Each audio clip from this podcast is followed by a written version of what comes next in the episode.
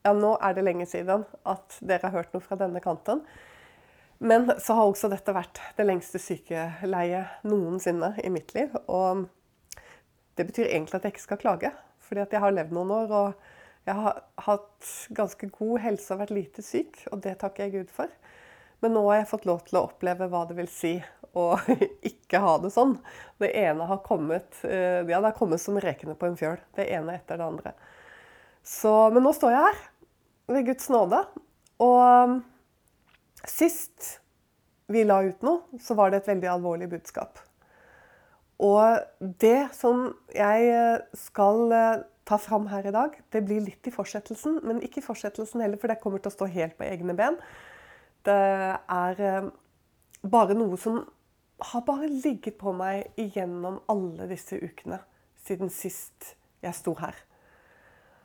Og jeg har jo ikke fortalt så mye. Jeg har måttet avlyse mange møter. Veldig trist.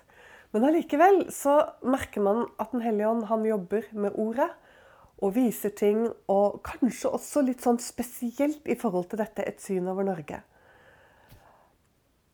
Jeg skal ikke si så veldig mye mer om det nå. Jeg har bare lyst til å gå til det som uh, ligger litt her. Og dere, det er noe som kommer så mange ganger i alle evangeliene og hos alle apostlene. Og det kommer så mye i Det nye testamentet, og jeg har snakket masse om det. At vi kan stå litt i fare for å ikke ta inn alvoret, på en måte.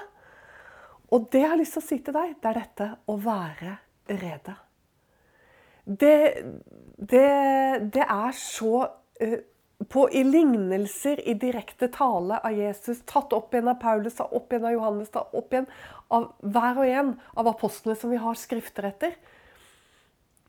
Og Jesus han snakker om dette eh, på ulike måter, som jeg sa.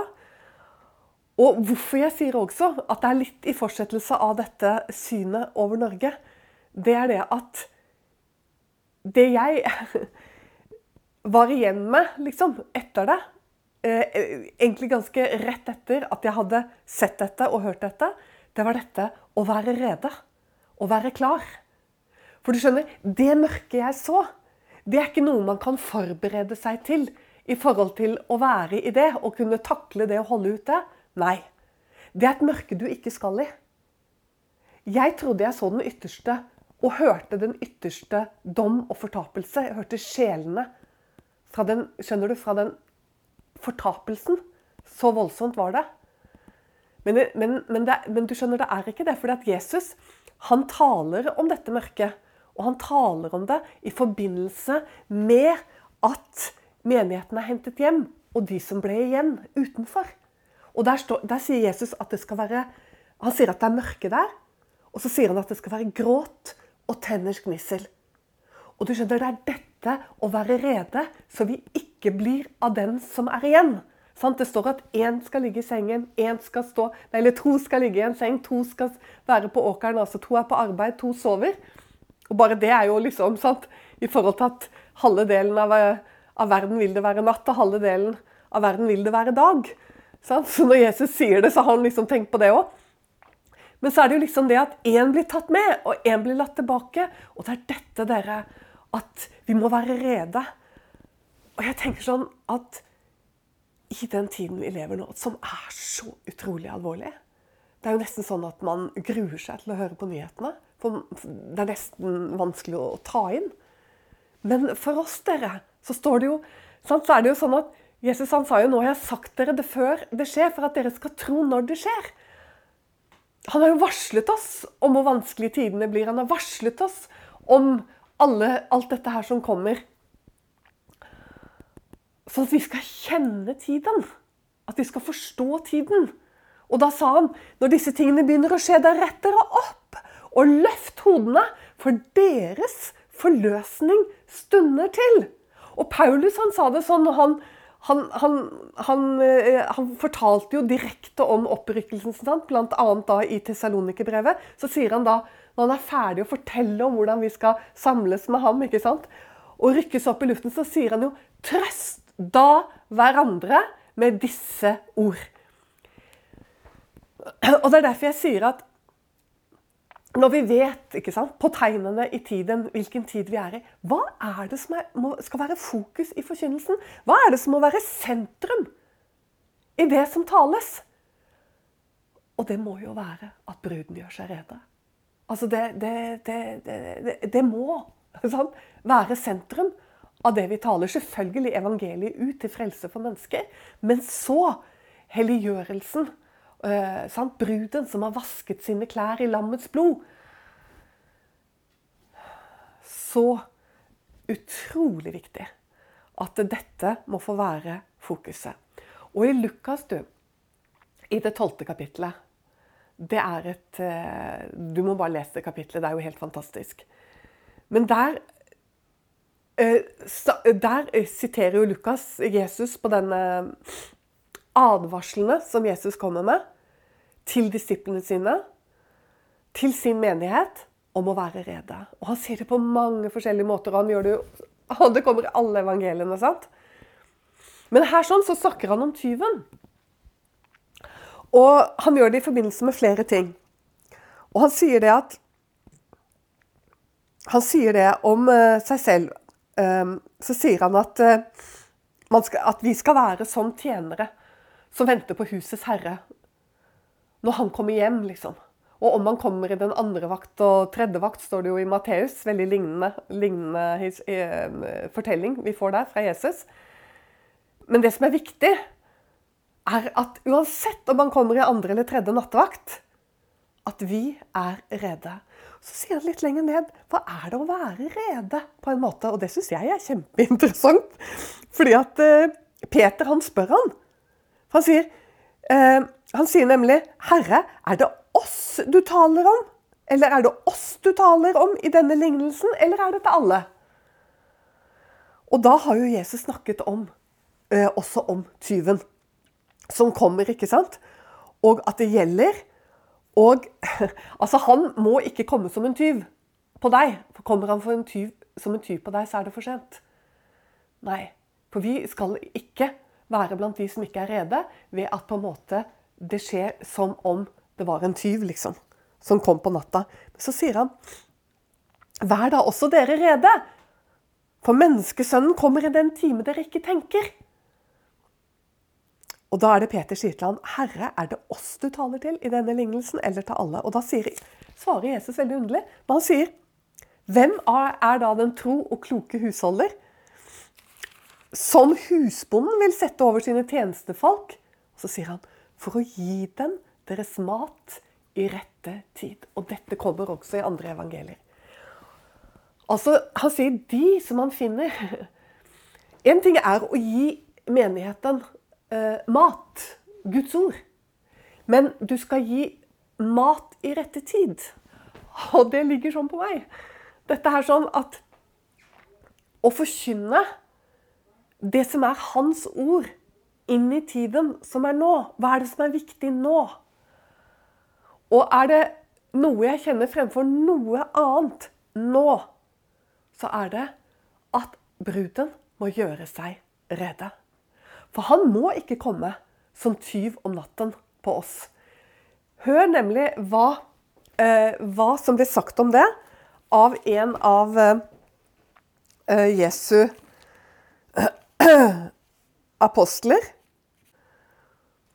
Og det er jo da ingen andre enn Paulus. I eh, Tessalonikerbrevet, i det femte kapittelet, så står det nemlig Men om tidene og stundene, brødre, trenger dere ikke til at noen skriver til dere. For dere vet jo selv at Herrens dag kommer som en tyv om natten. Altså ikke da Herrens dag, ikke da som eh, i betydningen av at han henter sin menighet, eh, Kristi dag, men Herrens dag. Og så sier, så sier eh, Paulus når de sier fred og ingen fare, da kommer en brå undergang over dem, liksom veer over den fruktsommelige, og de skal ingenlunde unnfly. Men dere brødre er ikke i mørket, så dagen skulle komme over dere som en tyv. Her bruker Paulus, og slik har da Paulus forstått Jesus først og fremst. Selv om Jesus bruker tyven både i forhold til at menneskesønnen kommer, altså han kommer for å hente sine, og eh, han bruker det eh, da også i forhold til Herrens dag. Men det er det Paulus gjør her. Han bruker det i forhold til Herrens dag. Og så sier han det at eh, Men dere, sier han, det er de som er i mørket, det. Sant? Som kommer inn i dette. De som ikke har gjort seg rede. Både av verden og av Guds menighet. Av verden som ikke har omvendt seg, og menighet som ikke har omvendt Altså eh, verden da som ikke har hørt sannheten og tatt imot frelse, og menigheten som ikke har omvendt seg. Men så sier han men dere, sant? dere er jo ikke der. Han vil jo ikke at vi skal være der. For han sier dere hører jo ikke natten til. Eller mørket til. Og det er dette jeg tenker på også i forhold til dette synet. Som eh, For det var et mørke. Det mørket hører ikke vi til. Det kan jeg si deg. Og det er dette Paulus sier. Dere brødre er ikke mørke, så dagen skulle komme over dere som en tyv. For dere er alle lysets barn, og dagens barn. Vi hører ikke natten eller mørket til. La oss derfor ikke sove som de andre, men la oss våke og være edru. Og så, dere, så sier han For Gud i det niende verset, og det er så fabelaktig Og det syns helt sikkert du også, og du har sikkert hørt det før. For Gud bestemte oss ikke til vrede, men til å vinne frelse ved vår Herre Jesus Kristus. Og du, denne Herrens dag, som, eh, som, Paulus nevner her, det står flere ganger. Eh, og det står aller mest i Det gamle testamentet. Eh, jeg mener det står over 20 ganger, denne eh, betegnelsen Herrens dag. Og det begynte med profeten Jesaja. Og du finner det flere ganger. Er det syv eller åtte ganger? Du finner det i Det nye testamentet. Og det er jo ikke noe rart. For dette er jo selve, hva skal du si, selve klimaks i verdenshistorien på en måte når Herren kommer og overtar eh, herredømmet på jorden. Og straffer synden. Eh, og straffer den eh, eh, lovløse. Utrydder den lovløse. Og hele dette veldige som du kan lese om mange plasser i Det gamle testamentet. Og du kan lese om det spesielt i Johannes' åpenbaring. Men det jeg har lyst til at du skal legge merke til, er at i innledningen til Johannes' åpenbaring Apropos å være rede. For det er jo dette åpenbaringen handler om. Det er at menigheten må være redde. Og det er syv menigheter som får disse brevene. Og det første kapitlet i åpenbaringen, det er et kapittel som må leses veldig nøye. For der kommer det flere eh, ting fram som vi må legge merke til, og som er viktig at vi tar til oss. Og det ene er dette som står i Jeg mener det er i det tiende verset i første kapittel. Så sier nemlig Johannes Jeg var bortrykket i ånden på Herrens dag. Og jeg hørte bak meg en høy røst som av en basun, som sa Det du ser, skriv det i en bok. Og så sier han, ikke sant, og send det til disse syv menighetene. Her har du også et eksempel på hvor utrolig galt det går når vi ikke er lydige mot Bibelen, mot Guds ord, og lar være å tolke på annen måte enn at vi lar Bibelen tolke Bibelen. For det er det Bibelen gjør. Det er sjelden at det introduseres et helt nytt eh, billedspråk eller helt nye begreper i Det nye testamentet som ikke allerede fins i Det gamle testamentet. Og det er ikke sånn at vi plutselig kan liksom bare ta Ja, men nå tar vi og lar det bety noe annet. Eksempelet her er Herrens dag. Og det er nesten litt sånn eh, Det er nesten litt guffent. Når du vet hva den katolske kirke, altså tidlige kirke, brukte denne betegnelsen til, som er helt åpenbar. Altså, det, du finner samme, nøyaktig samme betegnelsen om hva det handler om, både hos Peter og hos Paulus, i forhold til ikke sant, vreden. Vreden som kommer. Herrens vrede over synden og over verden. Dette som vi ikke er bestemt til.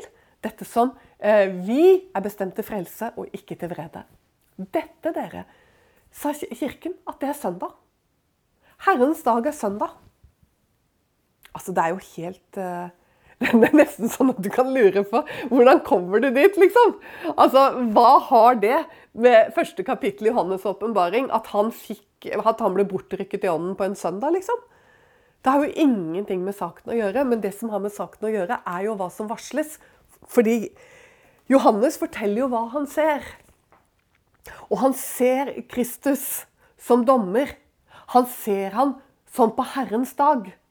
Nemlig hans hode og hans hår eh, var hvitt som hvit ull, som sne, og hans øyne var som ildsluer, og hans føtter var lik skinnende kobber, som om de var gjort glødende i en ovn. Og hans røst som en lyd av mange vann. Og i sin høyre hånd hadde han syv stjerner, og hør nå, og av hans munn gikk det ut et tveegget, skarpt sverd.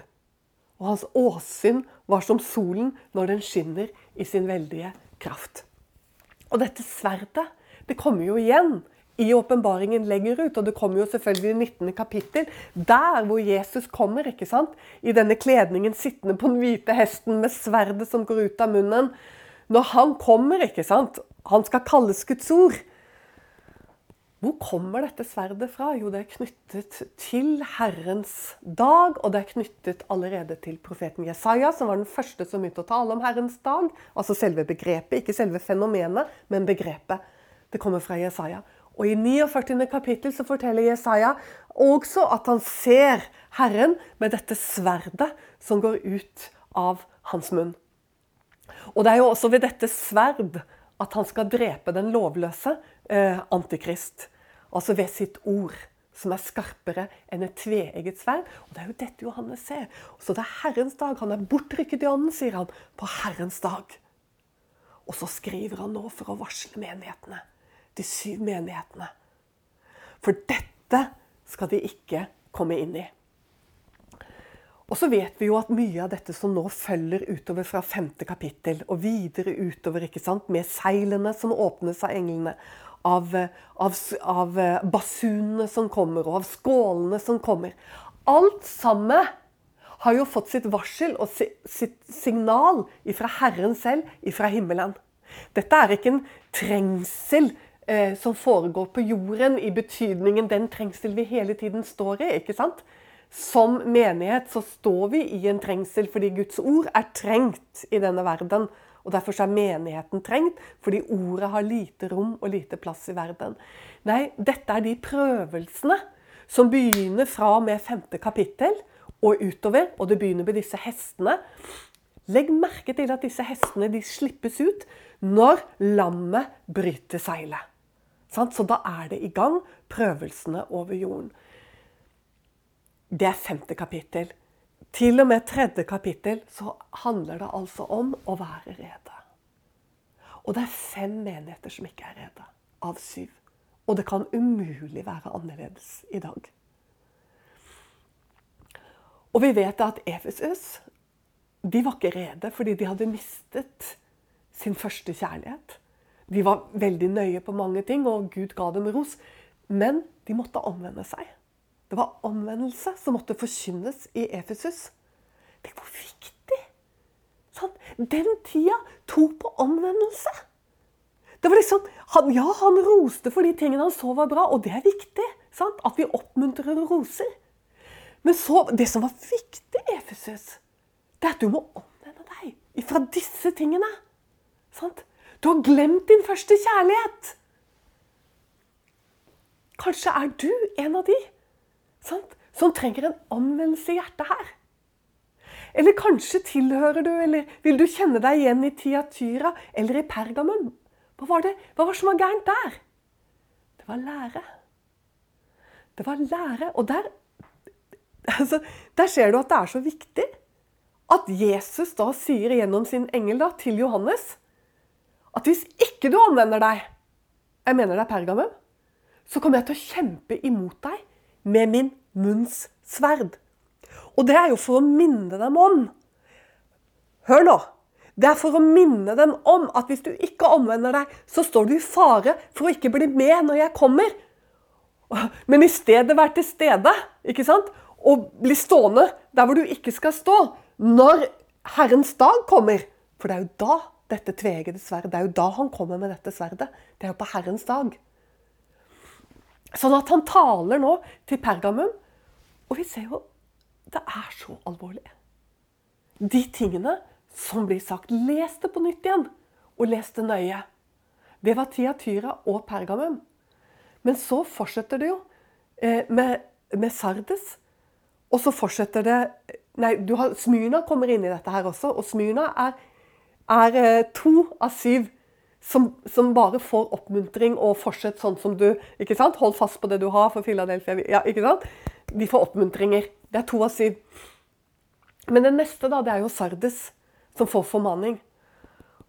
Og, og, det har jeg sagt mange ganger før, for det er jo fascinerende med, med, med, med Sardes. Det er jo helt fascinerende. Fordi at de har navn av å leve.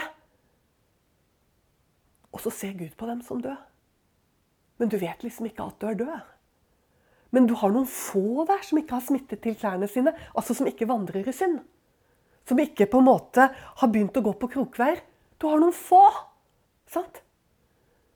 Eh, eh og det Ja, jeg håper å si greit nok. Men det fryktelige oppi det er jo at de har navn. De har et navn. Et stort navn.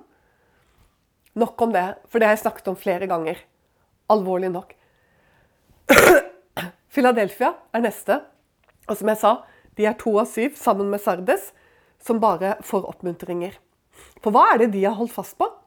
Jo, jeg må bare si det igjen. De har holdt fast på ordet. Det er det ene de har holdt fast på. Men så står det helt spesifikt at de har holdt fast på ordet om utholdenhet. Altså, de venter. De lever i forventningen. De har ikke sitt håp her nede. De har satt sitt håp til han som kommer for å hente dem. Og de lever i utholdenhet. Og det utholdenhet er spennende. For hvis du skal holde fast på ordet, så må du ha del i utholdenhet.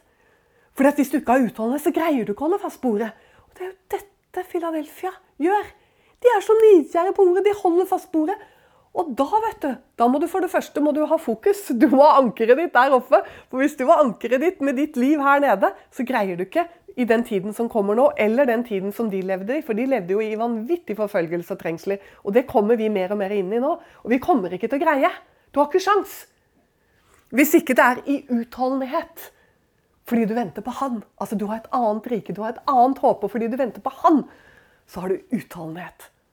Og du, Philadelphia, det er virkelig satt foran oss som et eksempel til etterfølgelse. Og så har du Laudikea. Og de er litt i samme, samme greia som eh, Sardes, men ikke så ille som Sardes. Men de tror de er rike, de òg. Sånn? Altså, eh, Sardes de har navn av at det er der det skjer, så da må du regne med at det er en svær menighet, for alle folk liker å gå der hvor det er navn av liv. Men Laudikea, det står ikke om de er store, om, de er, om den er stor eller liten, eller hva den er. Men saken er at de tror de er rike. Så de tror de har alt på stell. Og det er jo Hva er det viktig å ta til seg? For det, Jesus han ser noe annet. Han ser ikke at du trenger å kle deg i hvite klær. Sant? Og du trenger å få, eh, sant? Du trenger å få øyesalve. Og du trenger å få gull glødet i ild. Oi, oi, oi. og så er det alltid disse oppmuntringene. Og legg merke til oppmuntringene om hva du vinner, ikke sant? hvis du vender om. Hva du skal vinne. Og det er jo fordi du skal bli tatt med ham. Sant? Du skal bli tatt med ham. Du skal rykkes opp sant? til hans trone. Og så skal vi være med han tilbake igjen til jorden, slik som det beskrives både ja, så nydelig på så mange plasser. Så disse tingene er veldig, veldig viktig å ta til seg. Og jeg tror at noen ganger så blir åpenbaringen mer komplisert enn den behøver å bli. Hadde vi bare lest de første kapitlene veldig nøye, og hør du hva jeg sier, introen, første kapittel, og få med seg det som står der, så settes jo Herrens dag. For Johannes sier det jo. Hva er det dette handler om? Det som nå skal komme, jo, jeg er bortrykket på Herrens dag. Altså, han får hele dette utspilt for sine øyne, som blir igangsatt av lammet i, uh, i det som vi kan lese i det femte kapittelet. Når lammet åpner seilene, og du hører en rest som roper 'Kom!' prøvelsene over jorden er igangsatt, da er de igangsatt.